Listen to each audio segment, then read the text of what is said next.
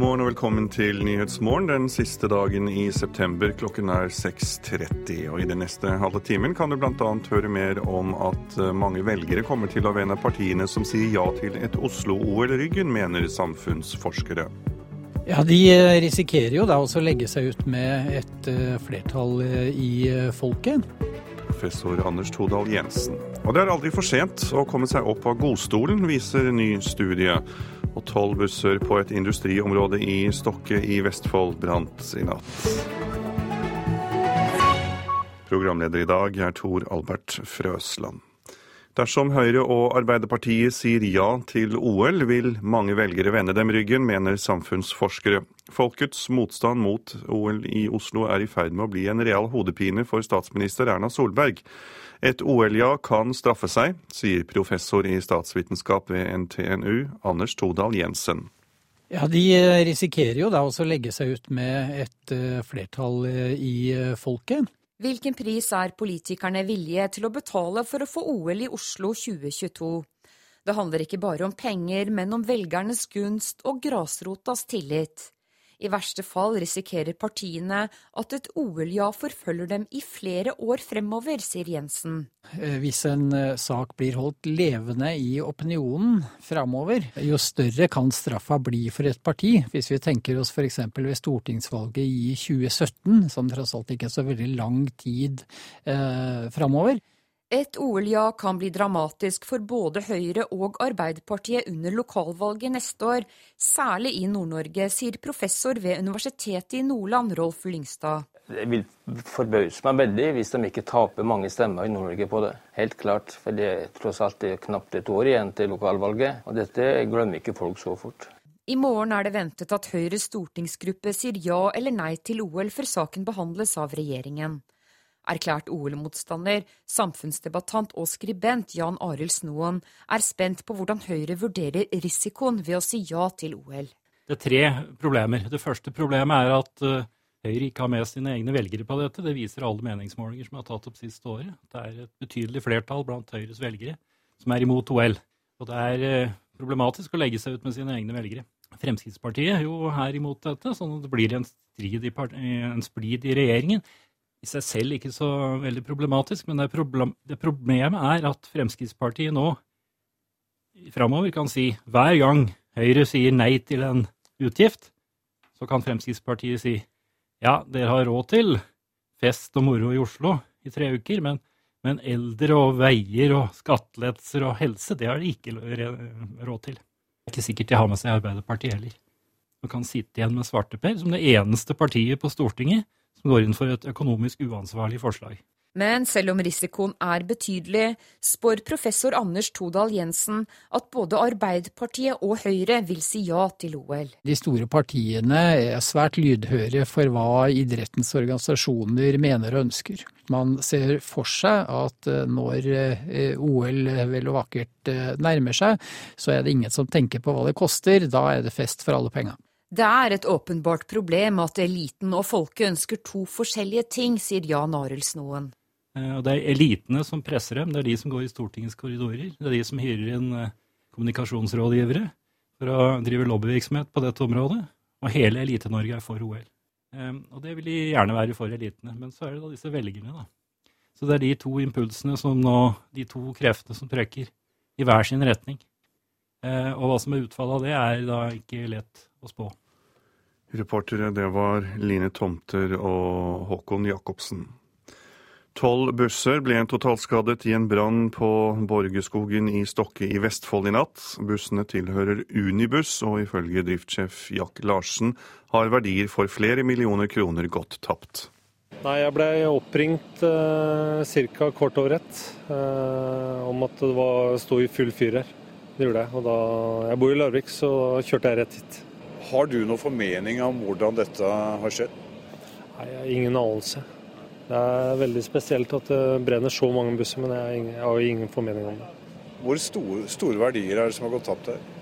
Nei, En ny buss koster fort opp til oppimot to millioner, så da er det bare å gange opp. Da. Så det er store verdier.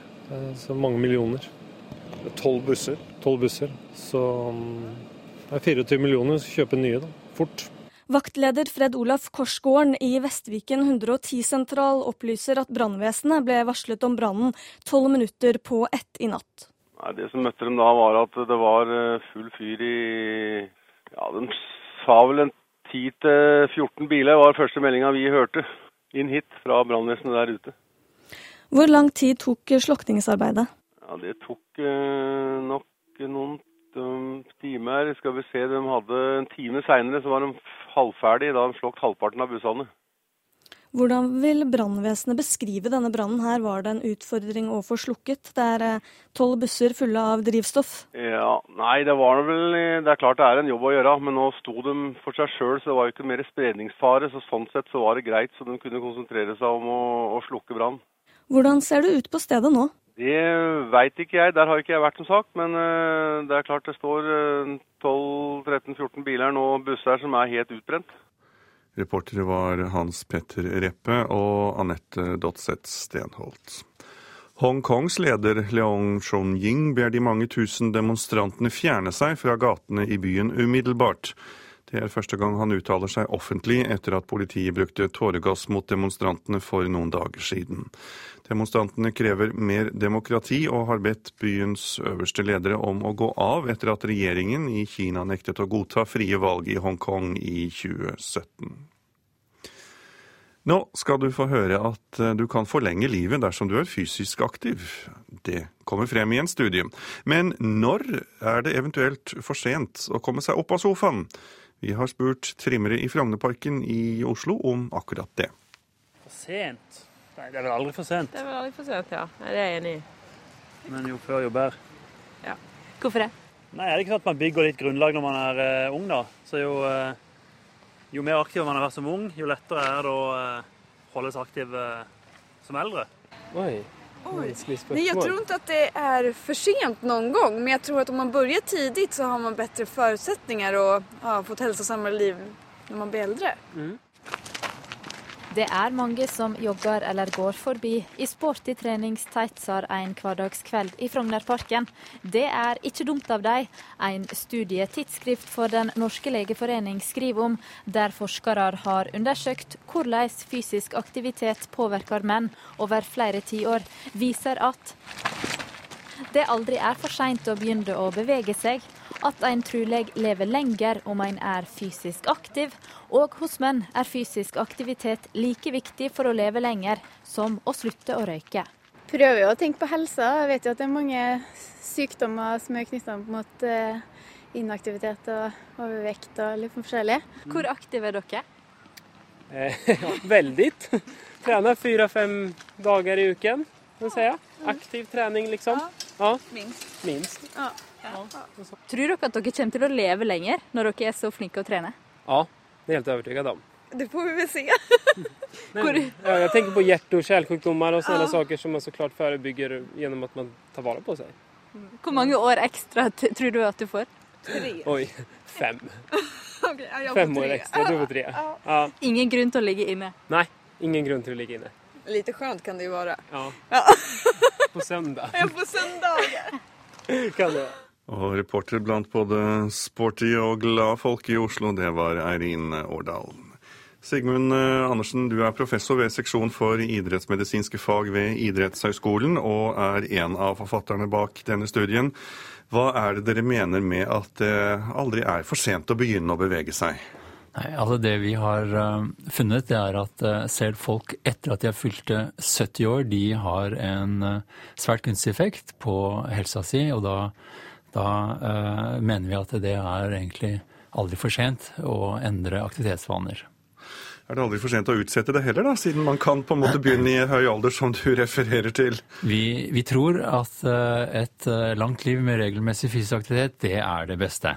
Men et budskap om at det er aldri for sent, det er også et godt budskap. I innslaget her hørte vi jo eh, folk har klokketro på at de kommer til å leve lenger dersom de, eh, de er flinke å trene. Men hvor mye lenger kan vi regne med å leve dersom vi er aktive? Ja, eh, der er det flere undersøkelser. Det vi viser, er at de som da er aktive 30 minutter omtrent hver dag, de lever nesten fem år lengre enn dem som er overveiende stillesittende. Og når du da sier aktive, hva ligger i det? Skal vi jogge så blodsmaken står i, i munnen på oss, eller hva? Altså selv lett aktivitet det har en, en, god effekt. Lett aktivitet det kan være å gå og, og, og, sykle. Eh, men vi vet også at eh, hvis du tar i litt ekstra, så gir det en ekstra effekt. Hva skjer i kroppen når vi er fysisk aktive? Her skjer det mange ting. Men uh, i sånn kortversjon så handler det om at uh, energiforbruket vårt det øker betydelig. Og det gjør at uh, sukkerstoffskiftet vårt blir bedre. Fettstoffskiftet vårt blir bedre. Og så får du en del gode effekter på hjertet. Hvordan mener du at myndighetene tilrettelegger for at folk skal kunne være mer aktive?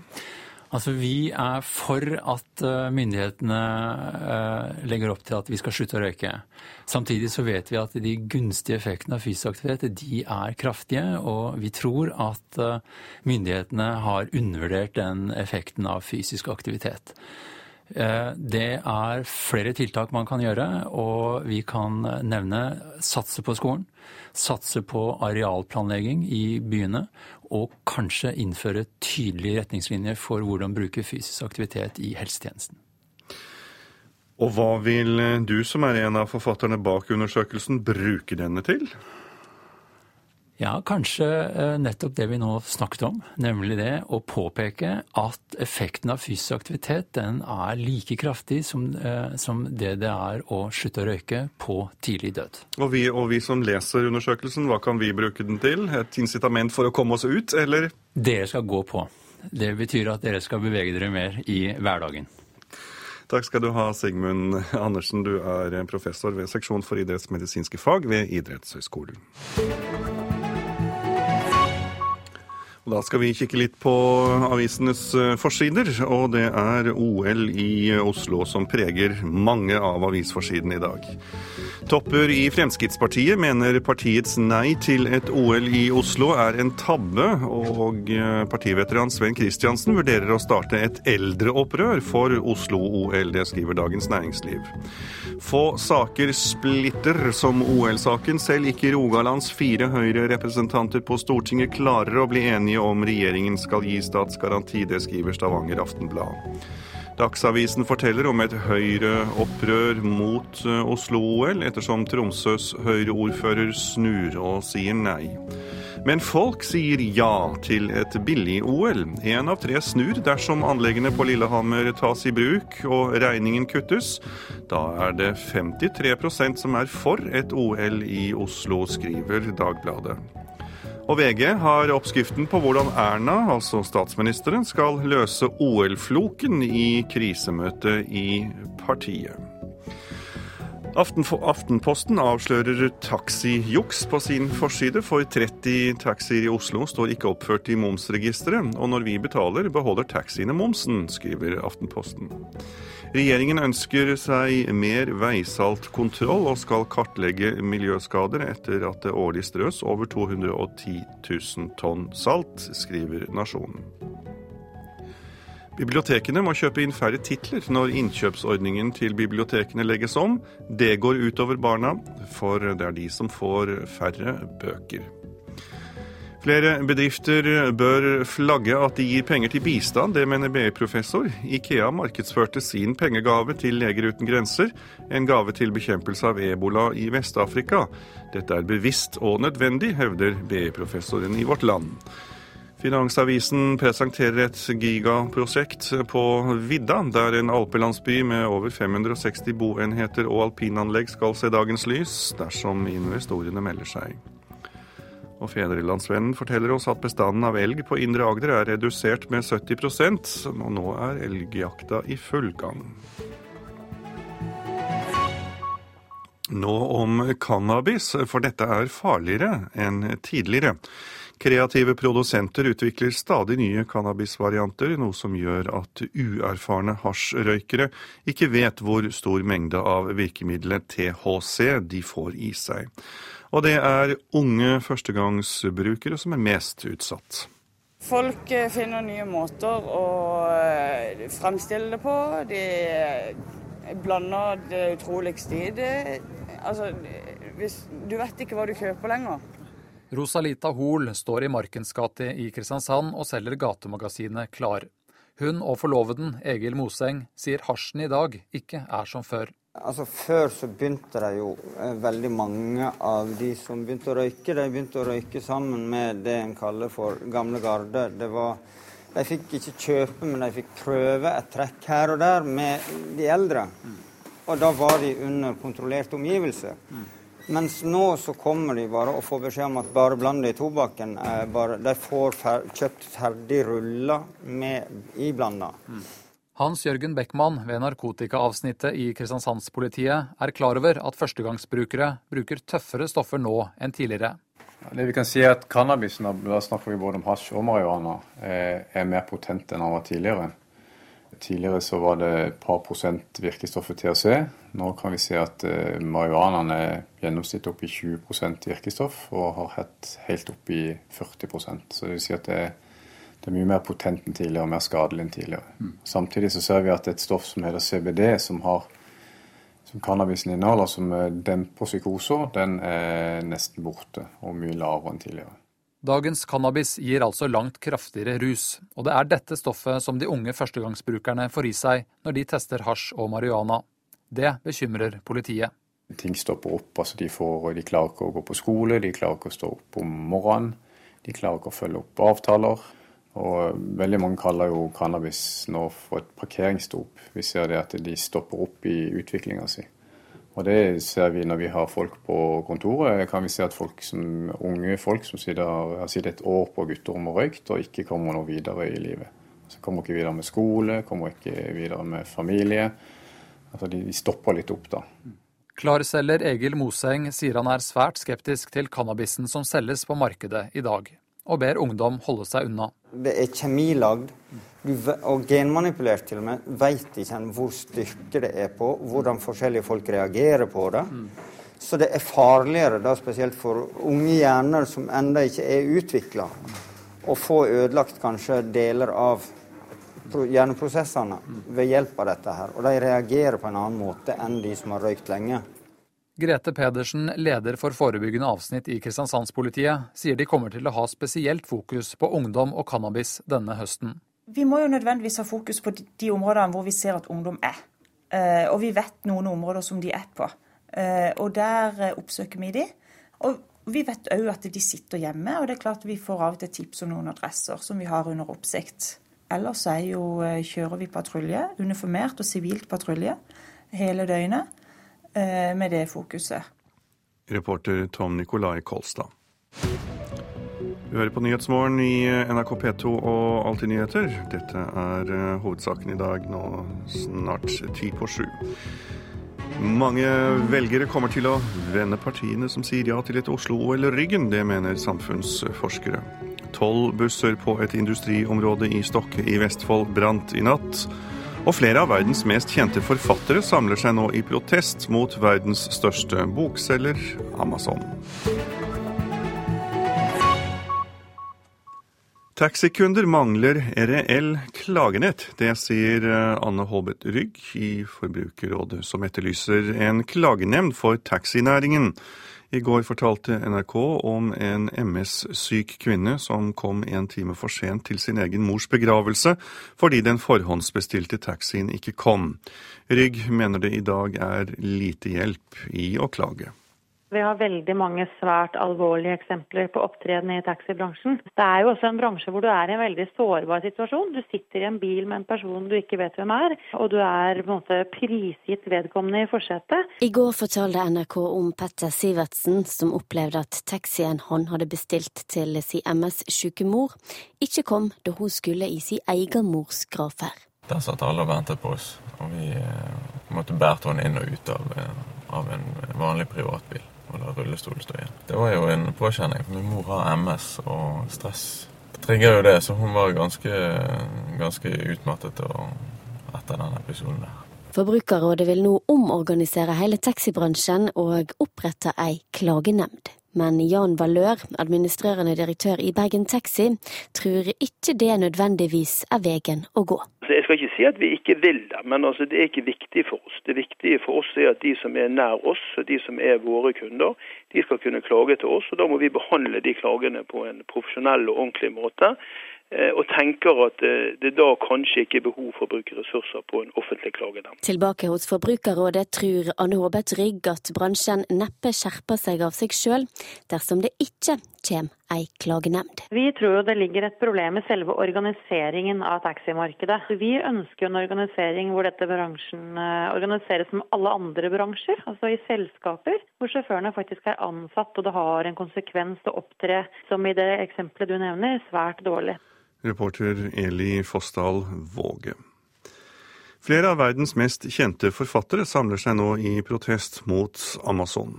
Philip Roth, Salman Rushdie og Paul Auster er blant flere hundre forfattere som krever at Justisdepartementet i USA må etterforske om verdens største bokselger driver med ulovlig monopoltaktikk. Striden står mellom Amazon og forlagshuset Hatchet, og handler om hvor mye e-bøker skal koste. Now, I'm not just mad at Amazon, I am mad Prime. Because I just found out that they are deterring customers from buying books by Stephen Colbert. Komiker Stephen Colbert er bare én av deltakerne i det store forfatteropprøret som nå brer seg her i USA. Colbert utgir bøker på ett av forlagene til Hachette-gruppen og er en av mange forfattere som har opplevd at det er blitt stadig vanskeligere å få solgt disse bøkene på Amazon.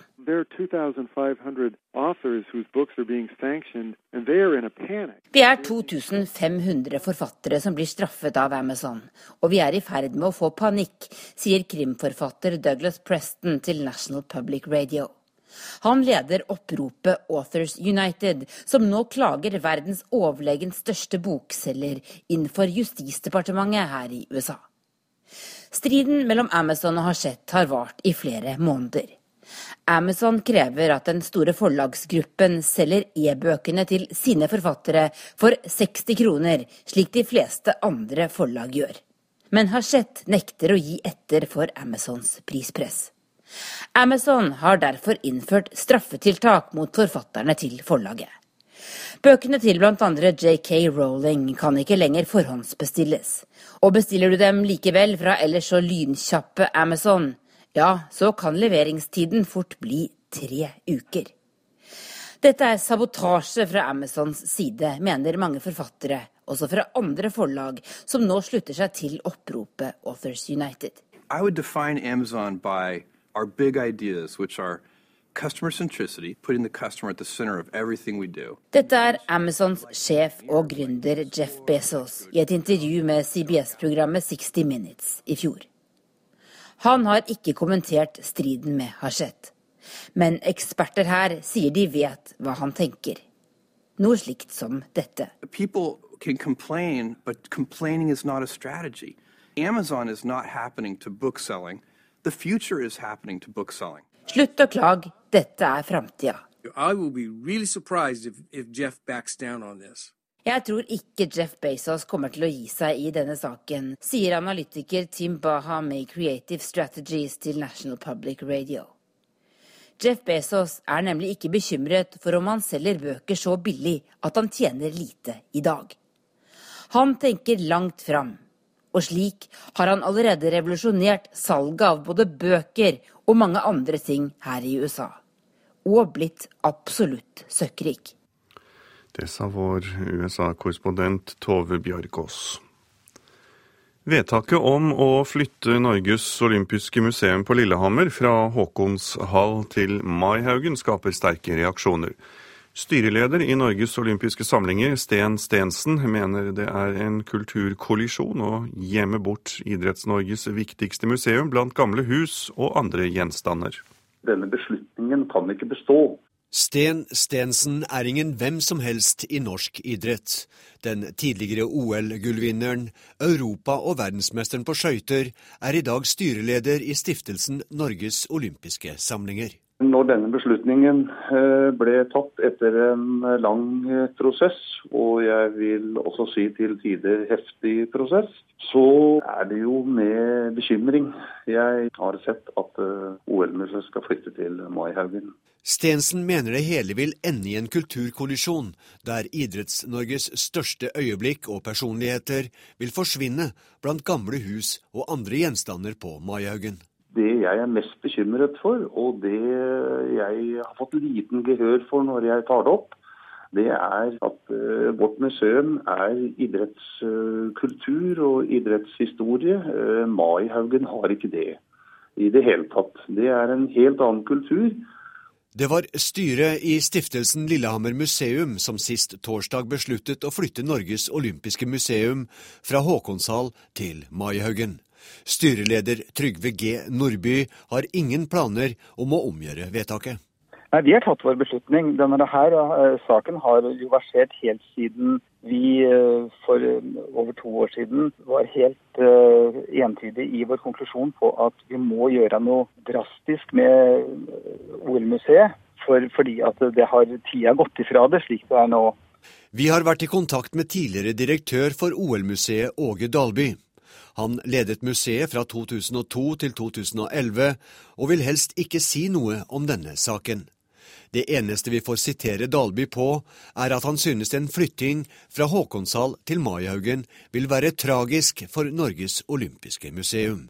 Utover dette vil han ikke uttale seg. Trygve G. Nordby synes det er synd at Dalby ser det på denne måten. Ja, jeg syns det er leit eh, at han ikke ser de mulighetene som vi nå får ved den flyttinga vi har beslutta. Sten Stensen ønsker ikke å si noe om hvorvidt deler av eller hele premiesamlinger kan bli trukket fra OL-museet dersom det blir flyttet. Men én ting er han klar på. Jeg som er eh, helt klart en motstander av å flytte det museet til eh, Maihaugen, kommer til å fortsette å se hvilke andre muligheter som er. Og det er en fantastisk fin mulighet. Det er å fortsette å være i Håkonsvoll. Reporter var Ole Martin Sponberg. Så skal du få høre hvordan været blir i dag. Fjellet i Sør-Norge. Skiftende senere sørlig bris. Frisk bris utsatte steder i kveld. Skyet eller delvis skyet, og oppholdsvær. Østlandet og Telemark skiftende bris, opphold og perioder med sol. Agder østlig bris, på kysten økende til frisk bris. Fra i ettermiddag liten kuling vest for Lindesnes, delvis skyet oppholdsvær. Rogaland økning til sørøst frisk bris, senere liten kuling. Skyet oppholdsvær, fra i ettermiddag utrygt for litt regn. Hordaland økning til sørøst frisk bris, senere sørlig liten kuling først i nord. Skyet, utrygt for litt regn. Sogn og Fjordane sørøst frisk bris utsatte steder, senere sørlig liten kuling, kan hende stiv kuling. Skyet, utrygt for litt regn, vesentlig i ytre strøk. Møre og Romsdal og Trøndelag sørøst frisk bris utsatte steder. I kveld sørlig frisk bris på Sunnmøre. Kan hende sørøst liten kuling i Nord-Trøndelag. Stort sett oppholdsvær og perioder med sol. Nordland skiftende bris, senere sørøstlig frisk bris. I kveld opp til liten kuling i sør. Først på dagen enkelte regnbyger i nord, ellers mye pent vær. I kveld tilskyende. Troms får nordvestlig frisk bris på kysten. Enkelte regnbyger, snøbyger over 300-500 meter. Fra i ettermiddag skiftende bris og delvis skyet oppholdsvær. Finnmark nordvestlig frisk bris utsatte steder. I nord og øst opp til liten kuling. Regnbyger eller sluddbyger. Sør på Finnmarksvidda stort sett oppholdsvær. I kveld minkende vind og stort sett oppholdsvær i hele fylket. Nordensjøland på Spitsbergen får nordvestlig, senere vestlig bris, spredte snøbyger og perioder med sol. Så morgentemperaturene som ble målt klokken fem. Svalbard lufthavn minus fire. Kirkenes tre. Alta fire. Tromsø-Langnes fem. Bodø sju. Brønnøysund fem. Trondheim-Værnes og Molde fire. Bergen-Flesland og Stavanger tolv. Kristiansand-Kjevik åtte. Gardermoen to. Lillehammer én. Røros minus tre, og Blindern i Oslo hadde åtte grader da temperaturene ble målt klokken fem.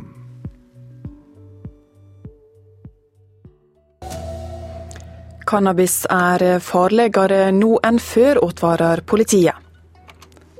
Søndagsturen kan forlenge livet med fem år, det viser en ny studie. Her er NRK Dagsnytt klokka sju. Cannabis er farligere nå enn tidligere, det mener politiet. Kreative produsenter utvikler stadig nye varianter, noe som gjør at uerfarne hasjrøykere ikke har kontroll på mengda av virkestoffet THC de får i seg. Unge førstegangsbrukere er mest utsatt, sier leder for narkotikaavsnittet i Kristiansand, Hans Jørgen Beckmann. Det vi kan si er at Cannabisen, da snakker vi både om hasj og marihuana, er mer potent enn den var tidligere. Tidligere så var det et par prosent virkestoffet THC. Nå kan vi se at uh, marihuanaen er gjennomsnitt opp i 20% virkestoff, og har hatt helt opp i 40% Så det vil si at det er, det er mye mer potent enn tidligere, mer skadelig enn tidligere. Ting stopper opp. altså De, får, de klarer ikke å gå på skole, de klarer ikke å stå opp om morgenen. De klarer ikke å følge opp avtaler. Og veldig mange kaller jo cannabis nå for et parkeringsdop. Vi ser det at de stopper opp i utviklinga si. Tolv busser ble totalskadde i en brann på Borgeskogen i Stokke i Vestfold i natt. Bussene tilhørte Unibuss, og driftssjef Jack Larsen ble vekt i natt. Nei, Jeg ble oppringt eh, ca. kort over ett eh, om at det var, sto i full fyr her. Det gjorde jeg. Og da jeg bor i Larvik, så kjørte jeg rett hit. Har du noen formening om hvordan dette har skjedd? Nei, Jeg har ingen anelse. Det er veldig spesielt at det brenner så mange busser, men jeg, ingen, jeg har ingen formening om det. Hvor store, store, verdier er det som har gått tapt her? Nei, En ny buss koster fort opp til oppimot to millioner, så da er det bare å gange opp. Da. Så det er store verdier. Så mange millioner. Tolv busser? Tolv busser. Så mm, det er 24 millioner så kjøpe nye, da. Fort. Reporter Hans Petter Reppe. Søndagsturen kan forlenge livet ditt med fem år. Det viser en ny studie i tidsskriftet for Den norske legeforening. Og det er aldri for seint å innføre tradisjonen. Det sier Sigmund Andersen, som er professor ved seksjon for indremedisinske fag ved Idrettshøgskolen. Altså selv lett aktivitet det har en, en, god effekt. Lett aktivitet det kan være å gå og, og, og, sykle. Eh, men vi vet også at eh, hvis du tar i litt ekstra, så gir det en ekstra effekt. Selv folk etter at de har fylt 70 år, de har en eh, svært gunstig effekt på helsa si. Og da, da mener vi at det er egentlig aldri for sent å endre aktivitetsvaner. NRK Dagsnytt var ved Ingvild Ryssdal. Og her i Nyhetsmorgen eh, fortsetter vi med disse sakene. Færre utviste kriminelle kommer tilbake til Norge. Lederne i Hongkong forlanger at studentprotestene i byen må opphøre. Og Posten fjerner nei til reklameklistremerker på postkassene når folk flytter. Politiet i hovedstaden tar nå færre utviste kriminelle utlendinger i å komme tilbake til Norge. Grunnen er trolig den mye strengere straffen for brudd på innreiseforbudet som ble innført fra nyttår. Det som før ga én måned eller to i fengsel, straffes vanligvis nå med ett år bak murene. Det merkes i Kongsvinger fengsel, sier assisterende fengselsleder Anne Egeberg. Her vi ser en klar tendens eh, til at vi til enhver tid har flere innsatte som sitter inne på brudd på utlendingsloven. Vi hadde per 1.1.14 én innsatt som sonet eh, for dette, mens vi per 1.9. hadde 23. Og det er ikke fordi det er flere? Nei, Tendensen vi ser er jo at eh, den enkelte innsatte soner lenger. Fangene på Vardåsen ved Kongsvinger er utlendinger alle sammen. Og straks de er ferdig med å sone, kommer de til å bli sendt ut av landet, uansett hvor de hører hjemme. 59 ulike nasjonaliteter uh, hittil i år. Hovedtyngden av våre innsatte kommer fra Romania, Polen, Litauen. Noen er blitt utvist før, og det er grunnen til at de har havna bak lås og slå denne gangen. De har nemlig trossa innreiseforbudet de ble ilagt da de forrige gang ble utvist. Ved årsskiftet ble normalstraffa økt fra en måned eller to til et år i fengsel for å komme til Norge når du er utvist. Det er en, en snakkis. Det er eh, mye, mye interesse for og omtale av denne innskjerpingen. Politiet i hovedstaden mener straffeskjerpelsen har hatt en preventiv effekt. For etter mange år med kraftig økning i sånne saker, har de hittil i år tatt klart færre i å bryte innreiseforbudet sier politiinspektør Vegard Røås i Oslo politidistrikt. Man kan ikke utelukke at det allerede har spredt seg, at, at det er blitt en seksdobling i straffa, og at dette sånn sett har uh, hatt betydning. Har du et eksempel på en typisk uh, sånn som får innreiseforbud? Ja, vi, I sakene våre så ser vi jo at det er vestafrikanske narkotikaselgere og østeuropeiske vinningsforbrytere som ofte går igjen. Hva er fordelen med at færre bryter innreiseforbudet?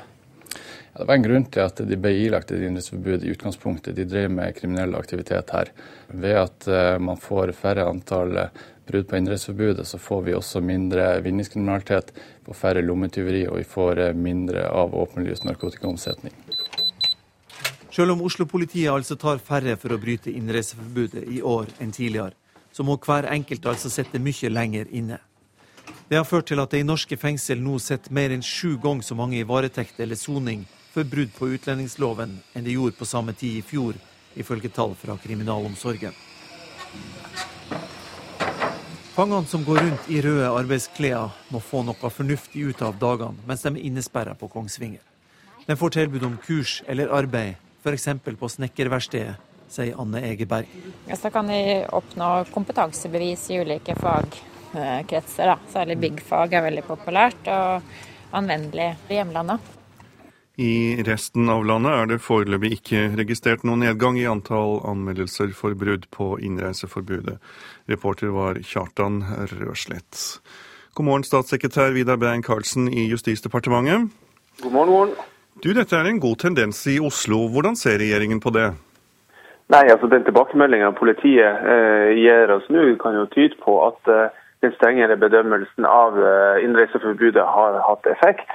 Og det, det gir oss jo en, en eh, pekepinn på at eh, den måten å håndtere det innreiseforbudet på gjør det mer effektivt. I tillegg til den kriminalitetsforebyggende effekten som politimannen her refererer til.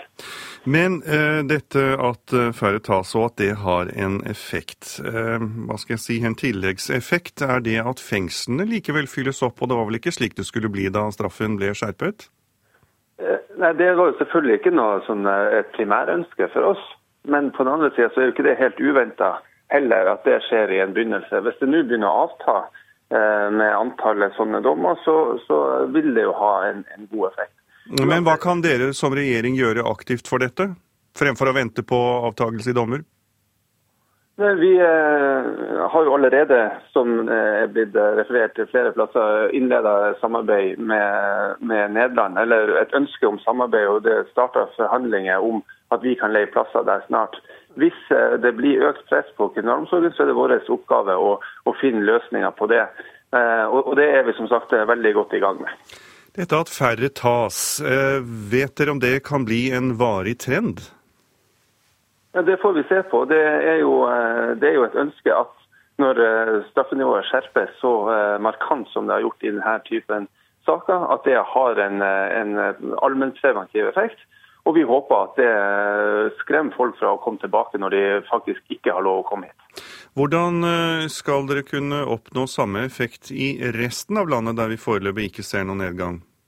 Nei, Det må vi se på. Men det er klart, det er Oslo som har hatt det høyeste trykket av denne typen eh, ulovlige innreiser og den kriminaliteten som har fulgt i kjølvannet av det. Så det er i hvert fall gledelig at den eh, effekten kanskje ses eh, her i Oslo nå. Så skal vi selvfølgelig jobbe videre med de tiltakene vi kan for å unngå at personer som ikke har lov å være her, faktisk kommer. Takk skal du ha, Vidar Brein Karlsen, statssekretær i Justisdepartementet.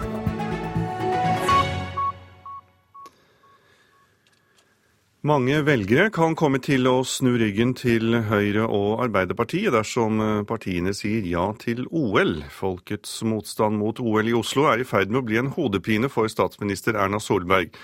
Men et OL-ja kan straffe seg, sier professor i statsvitenskap ved NTNU, Anders Todal Jensen. Ja, De eh, risikerer jo da også å legge seg ut med et eh, flertall i folket. Hvilken pris er politikerne villige til å betale for å få OL i Oslo 2022? Det handler ikke bare om penger, men om velgernes gunst og grasrotas tillit. I verste fall risikerer partiene at et OL-ja forfølger dem i flere år fremover, sier Jensen. Eh, hvis en eh, sak blir holdt levende i opinionen fremover, jo større kan straffa bli for et parti. Hvis vi tenker oss f.eks. ved stortingsvalget i 2017, som tross alt ikke er så veldig lang tid eh, fremover. Reporter var Line Tomter. Nå skal du få høre at Posten eh, fjerner stadig nei til reklameklistremerker fra folks postkasser, for dette tjener de penger på å gjøre. Postbudene kan gjøre dette etter å ha fått inn flyttemeldinger. Eiendomsmeglerne mener Posten tar seg til rette på annen manns eiendom. Et lite klistremerke på fire av ti postkasser i dette landet. Noen merker er hjemmelaget, andre er rødgrød og rødgule. Uansett er en postkasse mer verdt uten disse klistremerkene, som alle takker nei til reklame. Faktisk er merkefrie kasser 700 kroner mer verdt i året, fastslo Postens egen internavis for fem år siden. Postbudene ble derfor oppfordret til å fjerne klistremerkene når en bolig skifter eier. Og fortsatt fjernes klistremerker er litt varierende, men eh, normalt så skal, eh, skal jo det fjernes når eh, noen flytter. Noen bud gjør det også? Det hender, ja. Sier Postens konsernsjef Dag Meidel. Ofte gjør man det jo selv, eller, eller, det kan være at vi gjør det hvis vi er registrert i årregisteret. Ja, For dere får vel gjerne inn en flyttemelding? Vi gjør jo det, så vi, vi ajourholder jo hvor folk bor hele tiden. Så vi er veldig avhengig av at folk melder flytting.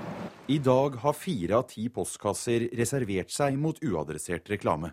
Resten av postkassene gir Posten reklameinntekter på 900 millioner kroner årlig. Men postbudene går for langt, mener de som har folks flytting som levebrød. Dette var veldig overraskende. og Det første jeg tenker er jo at dette er en fysisk inngrep i en banemanns eiendom. Dette bør få konsekvenser. Sier Christian Dreyer, leder i Eiendom Norge.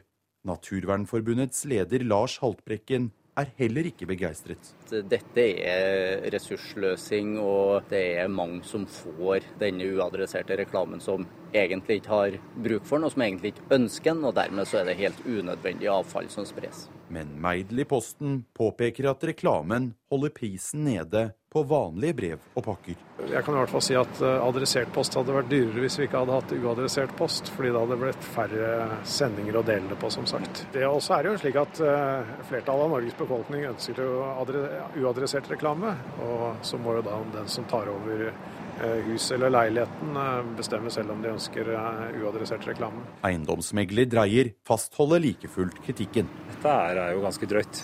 Og En boligselger eier den boligen til nøkkelen er overlevert og skjøtet er tinglyst. Hvem er det som har fullmakt til å, å gjøre inngrepen på annenmanns eiendom? Det, hold fingrene av fatet. Det er egentlig oppfordringen til Posten.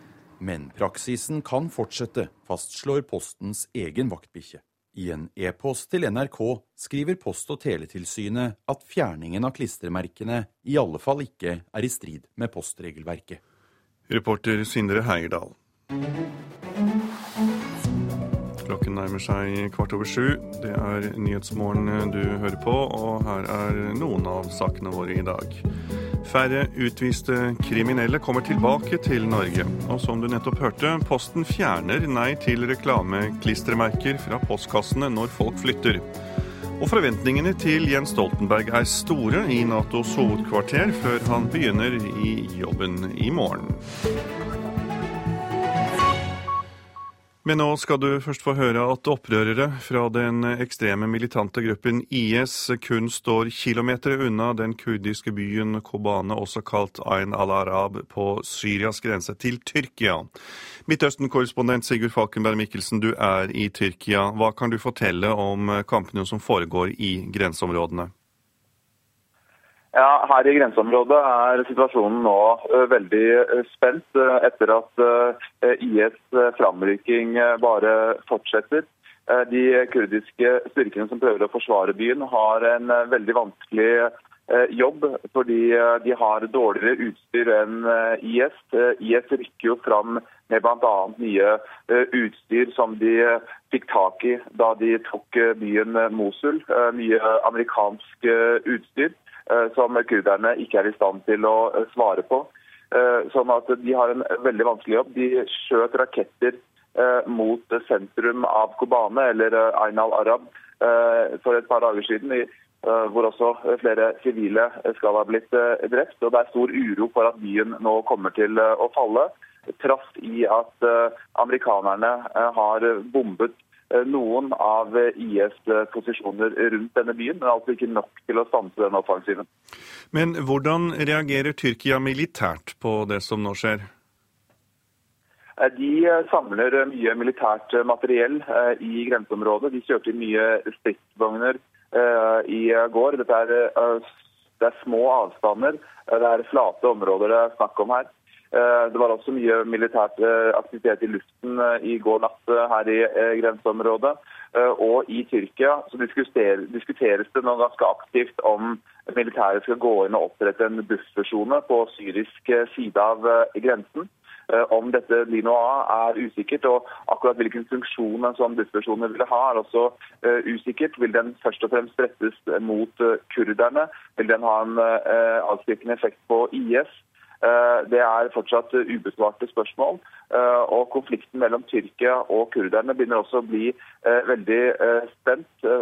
Den fredsavtalen våpenhvileavtalen mellom PKK og tyrkerne risikerer å bryte sammen pga. det som skjer nå i, i Syria.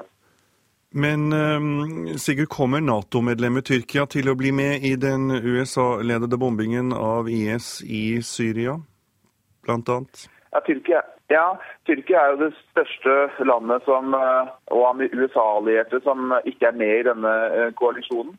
Eh, tyrkerne har selv sagt at de hadde var handlingslammet fordi det ble holdt rundt 50 tyrkiske gisler av IS. De er nå frigitt, så de har litt friere hender nå.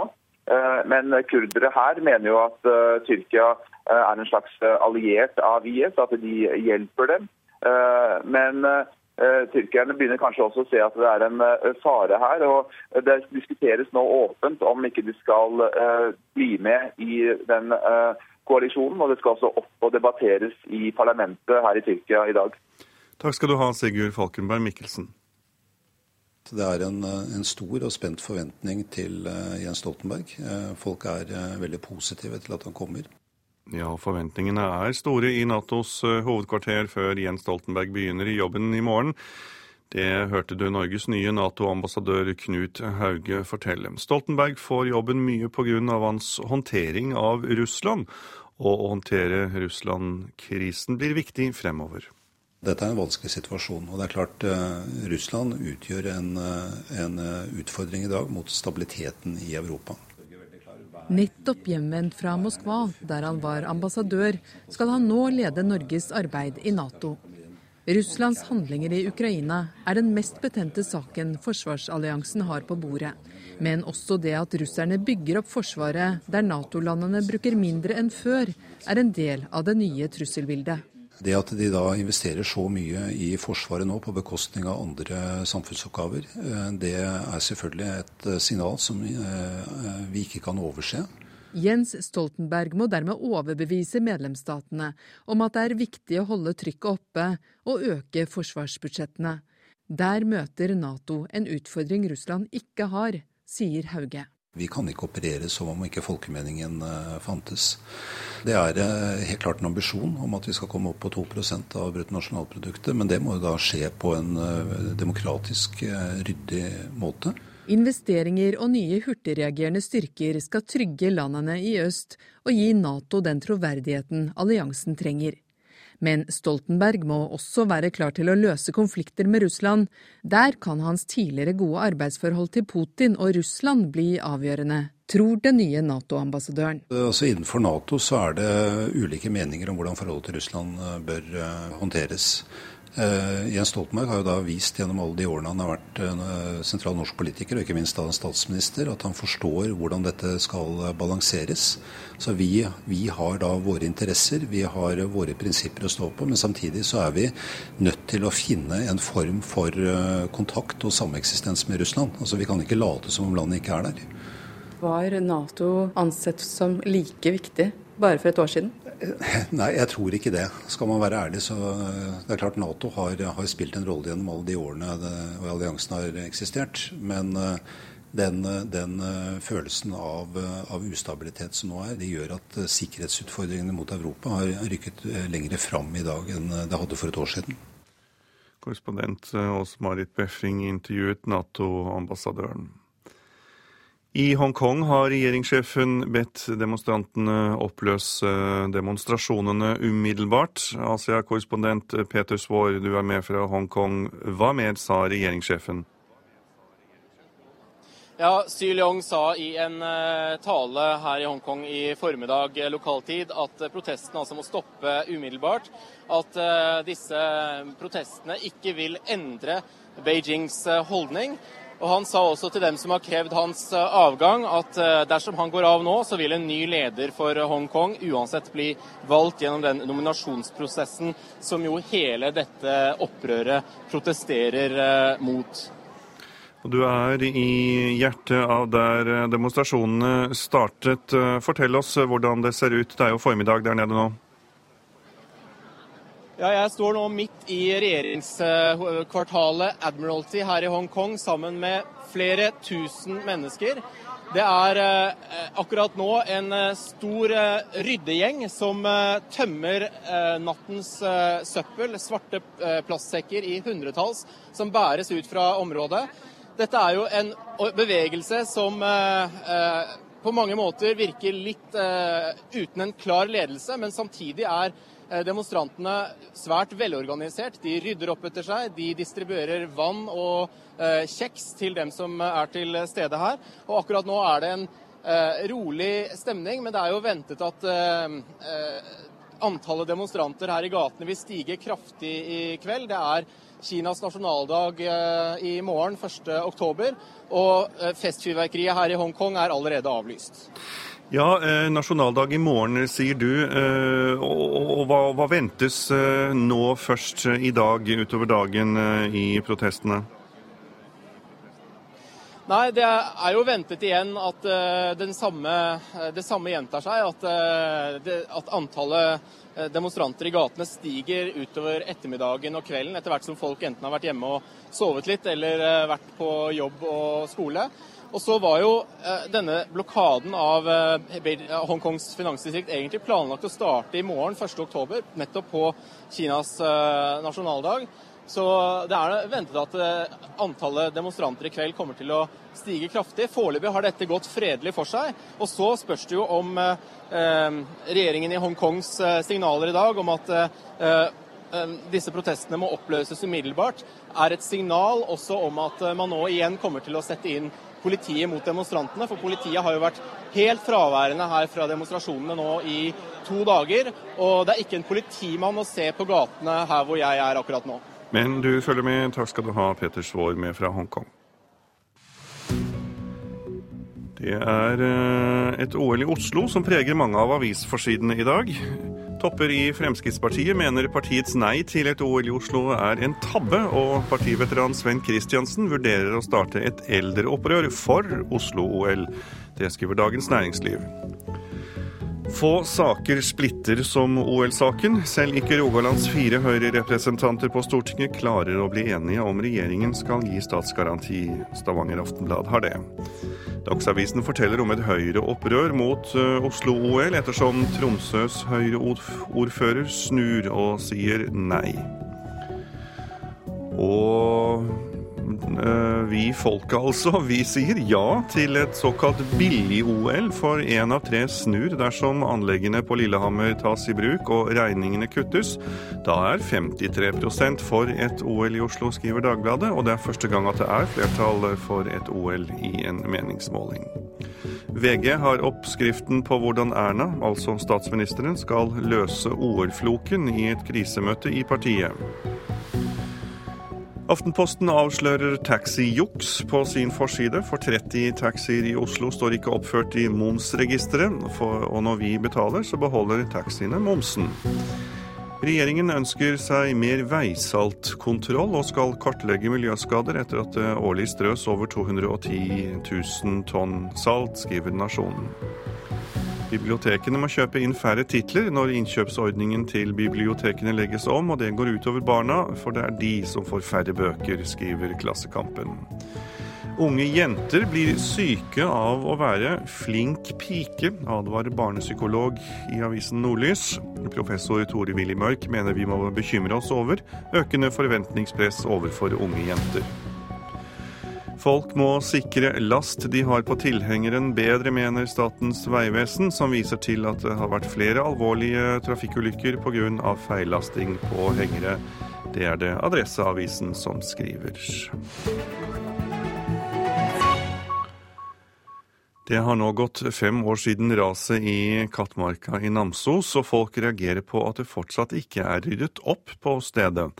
Hele området ser ennå ut som et rasområde der trær, jord, hytter og gjenstander ligger hulter til bulter. Ei flaggstang står på skeiven. Hundrevis av trær ligger hulter til bulter. Jord, gjenstander, plank, hytter og uthus. Det ser nesten ut som om tida har stått stille. Jo, Det har gått et 200-300 eh, meter bredt leirras og fått med seg en rekke bolighus og flere hytter i området. Jo da, det er endringer. Man kan jo kjøre veien nå over stedet der raset gikk 13.3 i 2009. Men på sida av veien er det altså fortsatt et rasområde. Noe teknisk sjef i Namsos, Ståle Ruud, også synes er synd. Jeg og mange med meg som bor og ferdes eh, i Namsos-området hver dag, vi synes jo at det er synd at det har tatt så lang tid. Det var jo representanter for regjeringa har eh, få dager etter at raset har skjedd. Og lovnaden til lokalsamfunnet og, og alle dem som er berørt, var jo at dette skulle jo ikke stå på penger, og framdrifta skulle være høy for å få brakt uh, samfunnet tilbake til en normaltilstand så godt det lar seg gjøre etter en sånn hendelse. Men konstaterer at uh, det har gått mange år. I lang tid har beboere i området beklaga seg over situasjonen og kaoset. Men lite er fortsatt gjort. Her er rasnabo Jan Roger Grannes fra et intervju i mars. Folk eh, begynner å slite opp her. Det er, og det ser ut likeens ny raset for vår del, som har direkte utsyn fra stua og rett i raset. så ser det nesten ut likeens fem år etterpå. Det, det, er ikke noe trivelig å bli påminnet hver dag. Og Årsaken til at man heller ikke denne sommeren har klart å rydde opp, forklarer kommunens tekniske sjef sånn. Det har eh, pågått, og det pågår prosesser med dem som er skadelidende og har lidd tap i forbindelse med raset. Eh, ikke blitt enighet mellom de offentlige aktørene og og de private om alle forhold så langt. Så det beramma hovedforhandlinger i tingretten nå i november 2014. Så etter den tid så håper jo mange av oss at uh, ting er såpass avklart at man kan etter hvert få gjort det som er nødvendig, og at aktørene uh, blir ferdig med saken, og at vi får et, uh, et flottere område enn sånn som det framstår i dag. Beboerne i Kattmarka synes på sin side at det er rart at kommunen ikke kan forskuttere og ordne opp i dette rasområdet, men altså velger nå å la det stå sånn i årevis i påvente av ansvar og erstatning. Nei, Det vet jeg ikke om jeg har uh, noe veldig godt svar på, egentlig. Det, det, er jo ikke sånn at eh, kommunen heller vet hvor store beløp uh, som til slutt blir tilkjent dem som har litt tap. Uh, grunnen til at man ikke er i mål med det, det er jo at for deler av det som det kreves erstatning for, så er det ganske stor avstand mellom det som er kommunens oppfatning i dag, og antageligvis regjeringsadvokaten, og dem som er skadelidt.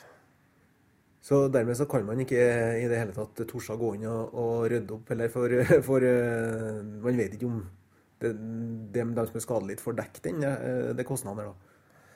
Det er i hvert fall eh, noe av forklaringa bak et standpunkt om å, å, ikke gjøre det. Det handler jo òg om økonomi til kommunen og det ansvaret som kommunen har, men det er jo staten her som har tatt store deler av regninga. Så kommunen har, eh, har, fått en liten del av, av ansvaret, for så vidt.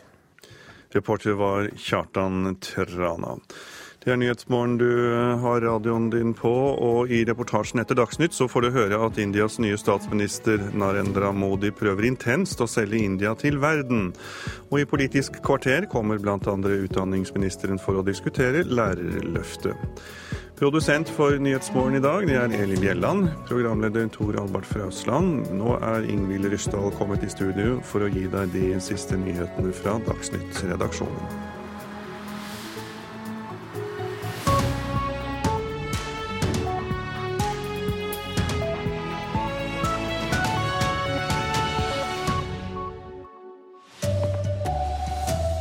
Velgere vil snu ryggen til Høyre og Ap om de sier ja til OL i Oslo, sier samfunnsforsker. Tolv busser sto i full fyr i Vestfold i natt. Og alarmen var på lydløs medan en mann med kniv sprang rundt i flere rom i Det hvite hus. God morgen, her er NRK Dagsnytt. Klokka er 7.30. Dersom Høyre og Arbeiderpartiet sier ja til OL, vil mange velgere vende dem ryggen, mener en samfunnsforsker. Folkets motstand mot OL i Oslo er i ferd med å bli ei hovedpine for statsminister Erna Solberg.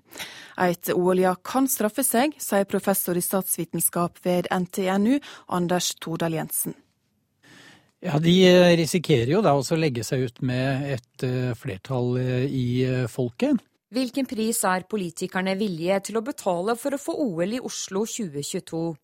Det handler ikke bare om penger, men om velgernes gunst og grasrotas tillit. I verste fall risikerer partiene at et OL-ja forfølger dem i flere år fremover, sier Jensen. Eh, hvis en eh, sak blir holdt levende i opinionen fremover, jo større kan straffa bli for et parti. Hvis vi tenker oss f.eks. ved stortingsvalget i 2017, som tross alt ikke er så veldig lang tid eh, fremover. Et OL-ja kan bli dramatisk for både Høyre og Arbeiderpartiet under lokalvalget neste år, særlig i Nord-Norge, sier professor ved Universitetet i Nordland, Rolf Lyngstad. Det vil forbause meg veldig hvis de ikke taper mange stemmer i Nord-Norge på det. Helt klart, for det er tross alt knapt et år igjen til lokalvalget, og dette glemmer ikke folk så fort. Men selv om risikoen er betydelig, spår professor Anders Todal Jensen at både Arbeiderpartiet og Høyre vil si ja til OL. De store partiene er svært lydhøre for hva idrettens organisasjoner mener og ønsker. Man ser for seg at eh, når eh, OL vel og vakkert eh, nærmer seg, så er det ingen som tenker på hva det koster. Da er det fest for alle penger. Reporter Line Tomter og Håkon Jacobsen. Blant folket er det nå for første gang flertall for en norsk OL-søknad, men bare på visse vilkår. Det viser en meningsmåling MMI har utført for Dagbladet. Den viser at en tredel av nei-folket lar seg lokke over på ja-sida dersom regninga blir mindre og anleggene på Lillehammer blir brukte på nytt.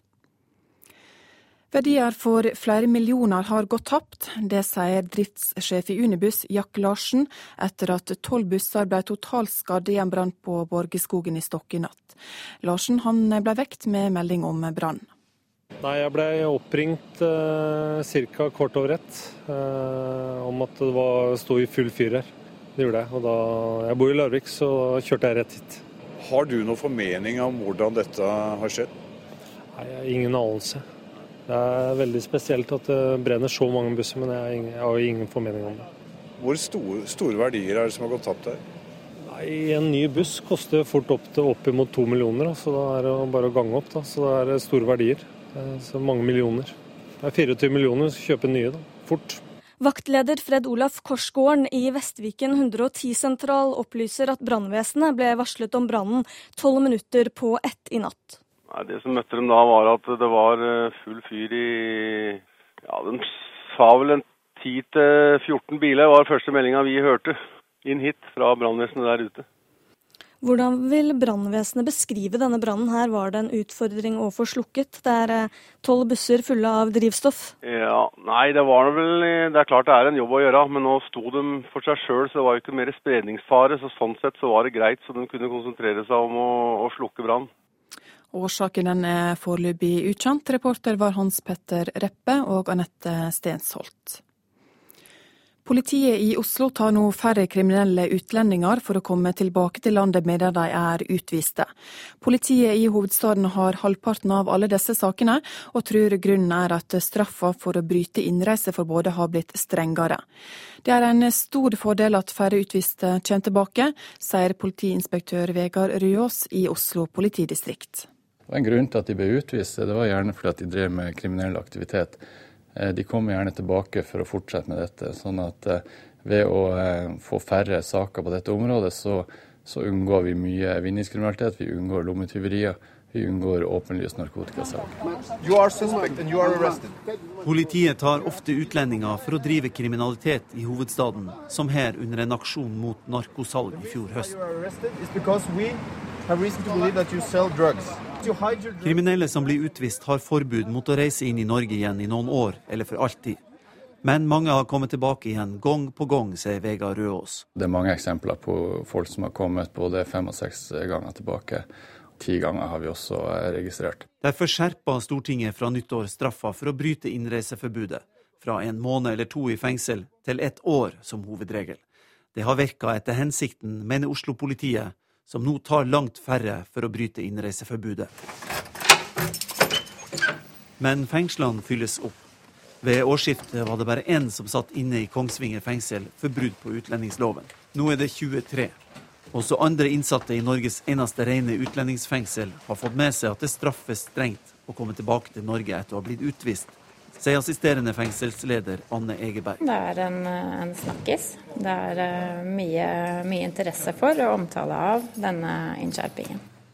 Tallet på kriminelle som bryter innreiseforbudet har foreløpig ikke gått ned i resten av landet. Reporter var Kjartan Røslett. I USA vokser kritikken etter at en mann tok seg inn i Det hvite hus. Nå viser det seg at han sprang rundt i flere rom før han ble tatt. En amatørvideo viser hvordan Omar Gonzales sprinter inn i hagen og opp på terrassen foran bygningen og inn i USAs helligdom, Det hvite hus. 42-åringen bar kniv og hadde hoppet over gjerdet. Han kom seg inn hovedentreen, forbi trappene som leder til president Obamas stuer, og tok til venstre og inn det østre rom, før han ble taklet av en sikkerhetsvakt ved det grønne rom, skriver Washington Post. Men ikke bare det.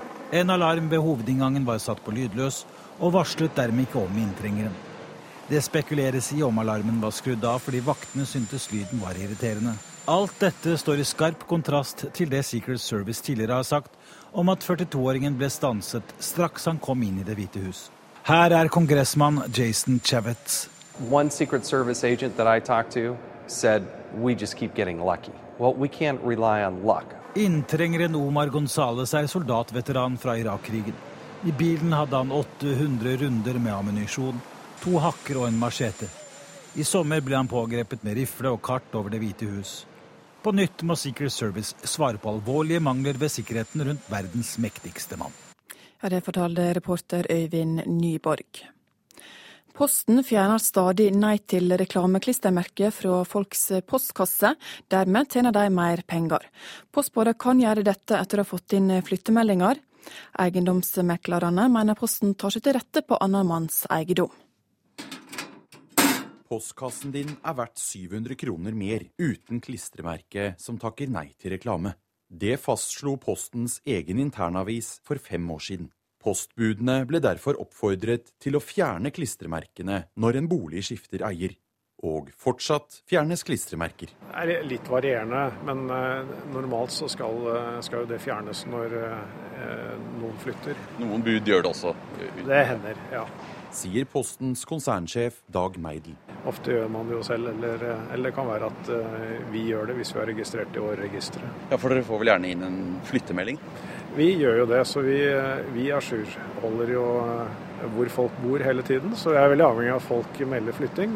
Men postbudene går for langt, mener de som har folks flytting som levebrød. Dette var veldig overraskende. og Det første jeg tenker er jo at dette er en fysisk inngrep i en banemanns eiendom. Dette bør få konsekvenser. Sier Christian Dreyer, leder i Eiendom Norge. Naturvernforbundets leder Lars Haltbrekken er heller ikke begeistret. Dette er ressursløsing og det er helt unødvendig avfall som spres. Men fjerningen av klistremerkene er ikke i strid med postregelverket. Det fastslår Post- og teletilsynet i en e-post til NRK. Og Meidel i Posten påpeker at reklamen holder prisen nede på vanlige brev og pakker. Adressert post hadde vært dyrere hvis vi ikke hadde hatt uadressert post, fordi det hadde blitt færre sendinger å dele det på, som sagt. Reporter var Sindre Heierdal. Det står verre til med verdens biologiske mangfold enn noen gang før. Det viser en ny rapport som bl.a. er utarbeidet av miljøorganisasjonen WWF. Bestanden av pattedyr, fugler, reptiler, amfibier og fisk er i snitt redusert til halvparten av hva den var for 40 år siden, viser rapporten som blir lagt fram i dag. Ansvarlig for denne sendinga er Bjørn Christian Jacobsen. Det tekniske ansvaret har Lars Tronsmoen. Mitt navn er Ingvild Ryssdal. thank you Og her i Nyhetsmorgen så skal du få høre om eh, Indias nye statsminister Narendra Modi, som prøver å selge landet intenst til verden. Den tidligere T-selgeren som var svartelistet av både USA og EU, hadde i går kveld offisiell middag i Det hvite hus, og i dag skal han møte USAs president Barack Obama. Nylig kunne han sole seg i glansen av Indias vellykkede forsøk på å sende et fartøy til Mars. Ifra kontrollrommet til den indiske romfartsorganisasjonen ISRO i byen Bangalore fulgte Narendra Modi sekundene da Indias første sonde til Mars ble satt i bane rundt den fjerne planeten. Da suksessen var sikret, omfavnet han Indias romfartssjef og brøt ut i en hyllest i en ikke utypisk blanding av hindi og engelsk. Mom kabhi nirash nahi karti hai.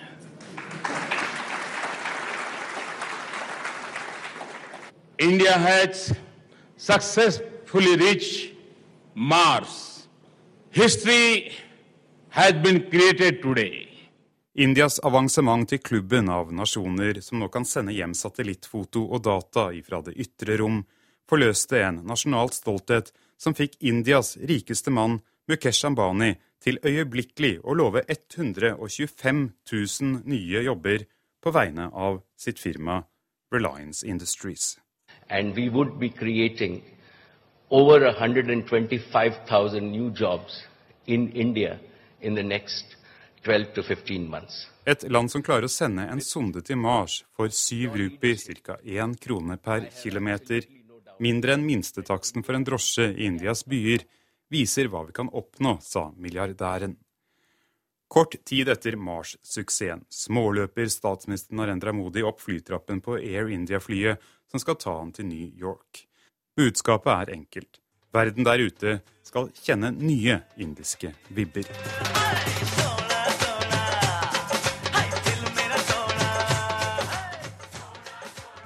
Det er forrykende uker for mannen som for ett år siden var delstatsminister i delstaten Gujarat, svartlistet av både USA og EU og omstridt i sitt eget parti, det hindunasjonalistiske BJP. Omstridt pga. sin uavklarte rolle under volden mellom hinduer og muslimer i hans egen hjemstat i 2002, om han var delaktig eller bare passiv da 2000 muslimer ble drept. Anklagene som henger over Modi, virker ikke som om de klarer å innhente han. For tre uker siden var han på et offisielt besøk til Japan. I forrige uke kom Kinas president Xi Jinping på statsbesøk til India, og talen til FNs generalforsamling er etterfulgt av et offisielt besøk til USA, middag og politiske samtaler i Det hvite hus. Samme dag som han satte seg på flyet til USA, og nøyaktig én uke etter at Kinas president besøkte India, lanserer han kampanjen Make in India, Modis svar på at så mye av det verden forbruker, er made in China. Hindustan की कंपनियां भी मल्टीनेशनल बने हिंदुस्तान की कंपनियों के भी दुनिया के अंदर अपने हाथ पैर हो ये हम चाहते हैं लेकिन Jeg ønsker at Indias selskaper skal bli multinasjonale, at vårt land skal bli sterkere, og å skape arbeidsplasser for de unge. Dette er ikke denne regjeringens politiske agenda. For oss er dette et spørsmål om tro og overbevisning. Political agenda नहीं है ये article of faith है और इसलिए मैं कहने आया Narendra Modi stotrer når han snakker engelsk, men er sikker og karismatisk på hindi. En PR-mann og selger av en type som India aldri tidligere har hatt som statsminister. Som barn startet han å jobbe som en chaiwala, en teselger på togstasjonene hjemme i Gujarat. Nå skal Narendra Modi selge India til verden. Det fortalte reporter Philip Lote. Overskrifter i Nyhetsmorgen i dag det er at færre utviste kriminelle kommer tilbake til Norge. Posten fjerner nei til reklameklistremerker fra postkassene når folk flytter. Og mange velgere kommer til å vende partiene som sier ja til et Oslo-OL ryggen. Det mener samfunnsforskere. Da venter vi på eh, Politisk eh, kvarter, der lærerløftet skal opp til debatt ved programleder Bjørn Myklebust.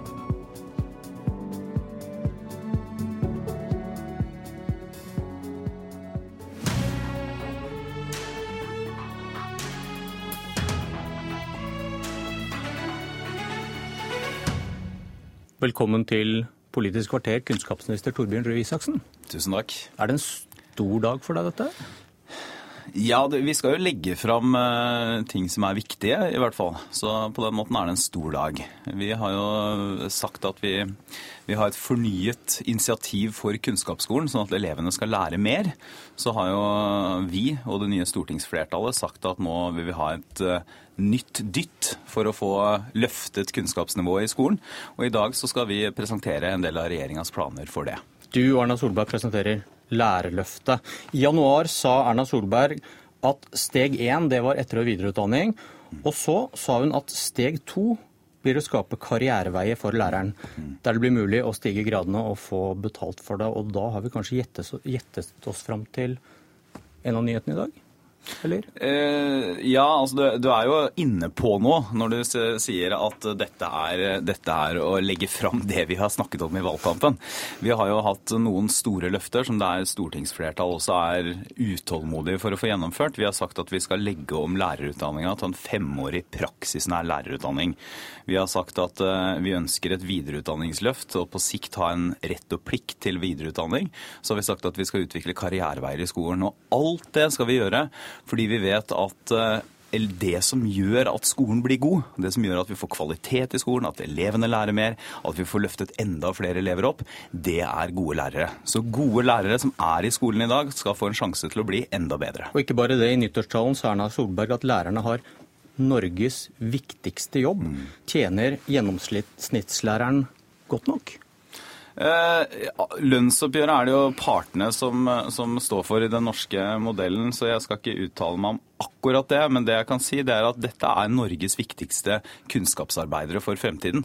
Så alle, alle de store bransjene våre, eh, olje og gass eller prosessindustrien vår, eller de store grunnyrkene i velferdsstaten vår, fra helse og omsorg til, til eh, velferdstjenestene våre, er helt avhengig av det som skjer på skolen når en seksåring begynner på sin første skoledag. Men syns du da det er et paradoks at lærerne tjener det de gjør?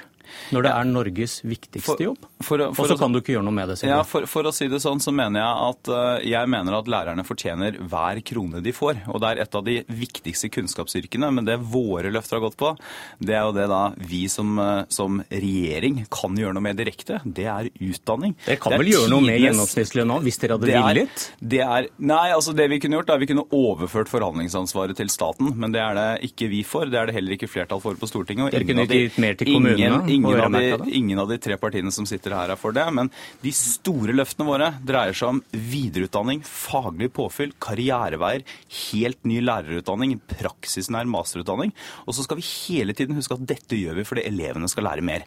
Dette gjør vi for at hver eneste seksåring som begynner på skolen, skal få lære seg å lese og skrive og regne skikkelig.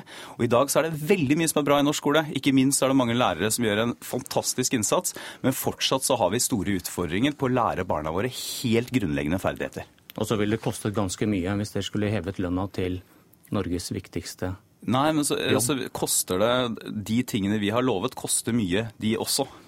Så det er det Men det du sier er at lærerne tjener, tjener greit? Eller Nei, så ville du vel ha gjort noe med det? Det, det jeg sier, det er at lønnsoppgjøret det er en sak mellom partene, og at det vi som stortingsflertall har ansvar for, og det som vi har lovet å gjøre noe med i valgkampen, det skal vi levere på, og planen for det skal vi legge fram i dag. Men dere sitter på pengesekken også? Vi sitter, på, kommune, vi, kommune, kommune, vi sitter på pengesekken både når det gjelder f.eks. videreutdanning, når det gjelder ny lærerutdanning. Eh, men kommune- eller lønnsoppgjøret for lærerne, det er det partene som diskuterer. Det er det ikke vi som bestemmer. Trine Skei Grande, leder i Venstre. Jeg har sett kravene dine til hva lærerløftet bør inneholde, og jeg har lest hva som står i regjeringsplattformen. og Er det noen grunn til å være nervøs? Dere er jo helt enige? Ja, selvfølgelig er vi det. Altså det. Dette var en av de viktigste sakene og grunnene til å skifte regjering.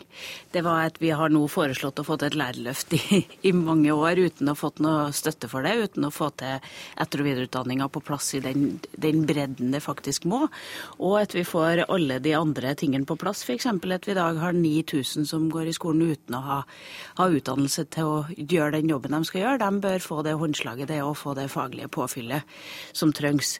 Eh, men det som vi er nå spent på, det er om alt kommer her. Og så er vi spent på om Høyre eh, syns f.eks. de 9000 er viktig nok til å, til å lage en egen plan for.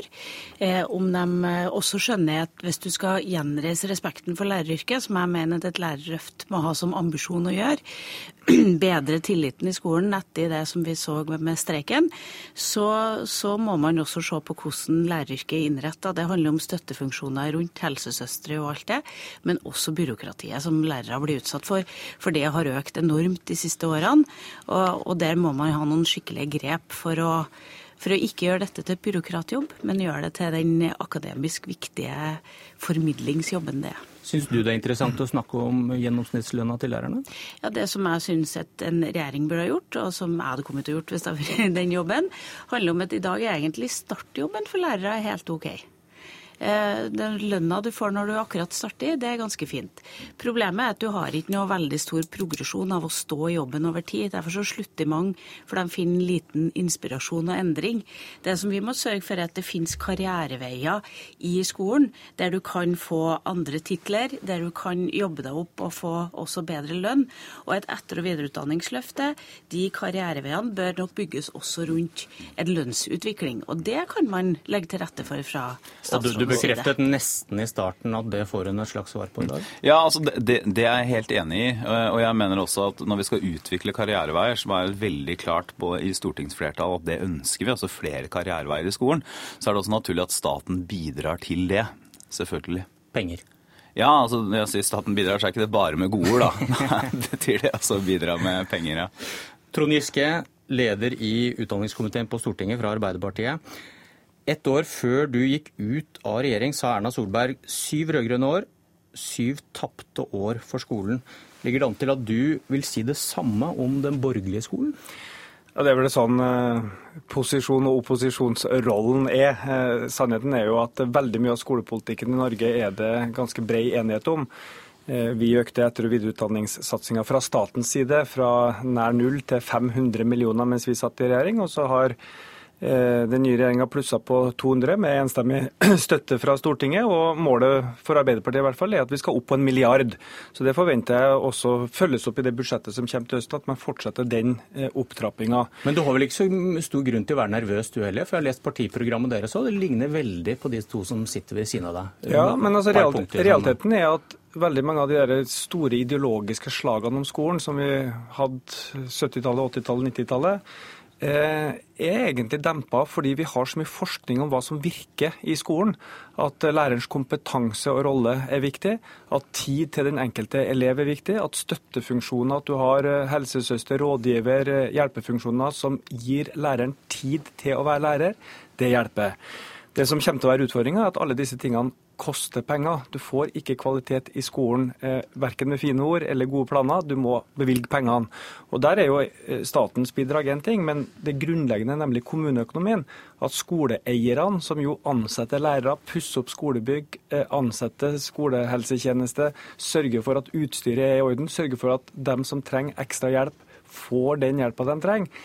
Det kommer til å være virkelig prøvestein men, på om de fine ordene om skole blir til virkelighet ut der lærerne er. Men må stille deg samme spørsmål som de fikk. da. Du, dere snakker heller ikke så mye om å gi kommunene penger for å heve gjennomsnittslønna. Dere snakker alle om disse karriereveiene, men det at lærerne tjener i Norges viktigste jobb, da ganske mye dårligere enn de man kan sammenligne seg med? Det altså, snakker dere ikke så mye om. Jeg mener at vi bør ta diskusjonen om forhandlingsansvaret skulle vært brakt tilbake til staten. Og Det skyldes eh, rett og slett at jeg tror staten har eh, større bredde av virkemidler. Vi fikk det i min tid som kunnskapsminister et eh, lønnsløft på 50 000 kroner for lærerne. Vi har sett en positiv utvikling i søkninga til lærerutdanninga, en annen stemning i læreryrket. Men jeg tror at veldig mye av det byråkratiet som lærerne opplever i skolen, kommer jo fra regler som nasjonale politikere har sett, som departementet, som Utdanningsdirektoratet har sett. Eh, jeg skulle ønska meg en pakke hvor man reduserte tida på byråkrati, forenkla en del av regelverket rundt eh, eksamen, karaktersetting, rapporter og nasjonale prøver. Sørga for at læreren fikk tid til undervisning, og også sørga for at man eh, kanskje brukte tida si mer fleksibelt, men samtidig fikk mer betalt for det. Det hadde vært en pakke som hadde hjulpet elevene i skolen til å være mer sammen med læreren sin. Dere krangler ofte om skolen, eh, Røe Isaksen, men mm. er det ikke egentlig borger, borger ikke for et bredt forlik om dette lærerløftet? Eh, Eller jo, trenger du ikke det? Jo, jo eh, veldig gjerne. Altså, jeg, er jo veldig, jeg er veldig glad hvis eh, Altså Venstre vet vi jo at er for dette. og jeg tror Det som er forskjellen, er at nå har vi et stortingsflertall som, som ikke bare snakker om dette, for det, det, det, men, men faktisk er villig til å både gjøre noe med det og bevilge penger til det. Venstre har vært utålmodige, KrF har vært utålmodige, Høyre har jo snakket om dette i valgkampen gjentatte ganger. Fremskrittspartiet har også gjort det. Og så er jeg veldig glad hvis Arbeiderpartiet Men det var jo åtte, åtte tapte år. Med jo, men jeg, jeg er ikke så opptatt av å snakke om fortiden. altså, Men det er veldig bra hvis Arbeiderpartiet nå er for disse tingene. For det er ikke mer enn et par år siden de stemte mot det. Stemte mot f.eks. å ha strengere kompetansekrav til lærerne som jobber i skolen. Har stemt mot både etter- og videreutdanningsløft. Men hvis de nå er for det, så er det jo ingenting som er, ingenting som er bedre enn det. Hvis de nå også er for f.eks. har vi foreslått også nye opptakskrav på lærerutdanningen. Men hvis Arbeiderpartiet er for det, så er jeg, jeg er veldig glad for det. Fordi jeg tror vi trenger faktisk å Må Giske får svare. Ja, okay. du sier hvis Arbeiderpartiet får det. Bare, bare, altså, I ditt program så står det at du skal innføre krav om karakteren 4 i norsk, engelsk og matematikk. Nå foreslår du at man må ha karakteren 3, men hvis man har bare 3, så må man ha, ha et kurs. Altså man må eh, ta et kurs. Det er identisk det Arbeiderpartiet skriver i sitt program, så du må ikke lage konflikter der det ikke er konflikt, når du går bort fra ditt eget program og lander på Arbeiderpartiet. Så det er helt fint. Lærerne skal kunne mye. Vi reformerte hele lærerutdanninga mens vi satt i regjering. Eh, Søkninga til lærerutdanninga økte med 40-50% Så la oss ikke lage konflikt der det ikke er konflikt å spore. La oss heller si nå legger vi bort de sakene som splitter oss. Vi legger bort hele den omfattende planen om privatisering. Eh, Vi sørger for at kommunene har nok økonomi. og Så reduserer vi byråkratiet, og så sørger vi for at læreren får lov å være lærer sammen med elevene sin, Og så løfter vi de 600 000 ungene som er i, i, i grunnskolen, sammen. Det ville vært et, et bra tiltak. Ja, jeg har alltid syntes at Arbeiderpartiet er kjempemye mer sympatisk i opposisjon enn i posisjon, så jeg syns at de må fortsette å være det. fordi at nå kan vi faktisk få til noe som bredde rundt denne politikken, og det er kjempebra. fordi at nå har vi snudd fokuset til å handle om det viktigste innsatsfaktoren i skolen, nemlig læreren. Og vi bør ha to prosjekt foran oss. Vi må gjenreise den, det tillitsbruddet som var, ble oppsto etter, etter denne streiken, og vi må sørge for at læreryrket blir gjenreist når det gjelder respekten. Og da hjelper ikke at 40% flere søker når aller fleste av dem slutter. Altså hele økninga vi har hatt i søkning, har jo bare ført til en økning også i, i frafallet i løpet av lærerutdanninga. Vi må virkelig gjøre noe sånn fundamentalt. Det er ikke veldig fort gjort heller. Det må faktisk gjøres over tid, og det må snakke, læreryrket må snakkes opp. Foreldre må slutte å snakke dårlig om læreren rundt middagsbordet. Og så må vi sørge for at vi har kunnskapen på plass hos alle sammen som jo, vil ha det. det er jo to ting som har skjedd de siste tiårene. Det ene er at norske elevers resultater på en del områder sannsynligvis har blitt dårligere. Samtidig så har læreryrket falt i anseelse. Jeg tror de to tingene henger sammen. Er- er så det- det å ha det gode, faglig sterke lærere, eh, og, og videreutvikle ikke minst de mange gode lærerne som er i skolen, og gi dem det faglige påfyllet de har bedt om i mange, mange år, det må vi gjøre. Og det vil jeg gjerne ha så bredt flertall som mulig for å gjøre. Og vi setter i gang nå med den planen vi, vi legger fram i dag. Giske, er det, er det PISA-resultatene som blir på en måte fasiten på om det som legges fram i dag, lykkes eller ikke? Altså Det er veldig viktig med gode ferdigheter i grunnleggende fagene, særlig eh, norsk og matte. Eh, og Der tror jeg tidlig innsats hjelper elevene i første, andre, tredje, i stedet for som nå, eh, bruke masse spesialundervisning i åttende, niende, tiende. Men jeg er også opptatt av at vi må ha også oppmerksomhet om de andre læringsmålene. Det er ikke bare det som kan måles i PISA-tester som er viktig når vi utvikler selvstendighet, kreativitet, evne til å reflektere, jobbe i veldig mange eh, fag og på veldig mange måter. Og Der skårer norske elever veldig godt. Lærerne gjør en kjempejobb. Og samtidig som man snakker om at lærerne skal få etter- og videreutdanning, så er det altså viktig å si at det er utrolig mange kompetente lærere i skolen allerede som gjør en kjempejobb. Vårt eh, Ok, mål vi må være å gjøre den jobben lettest Takk for mulig debatten. Dere var ganske enige. Eh, Vi får se senere. Jeg heter Bjørn Myklebust.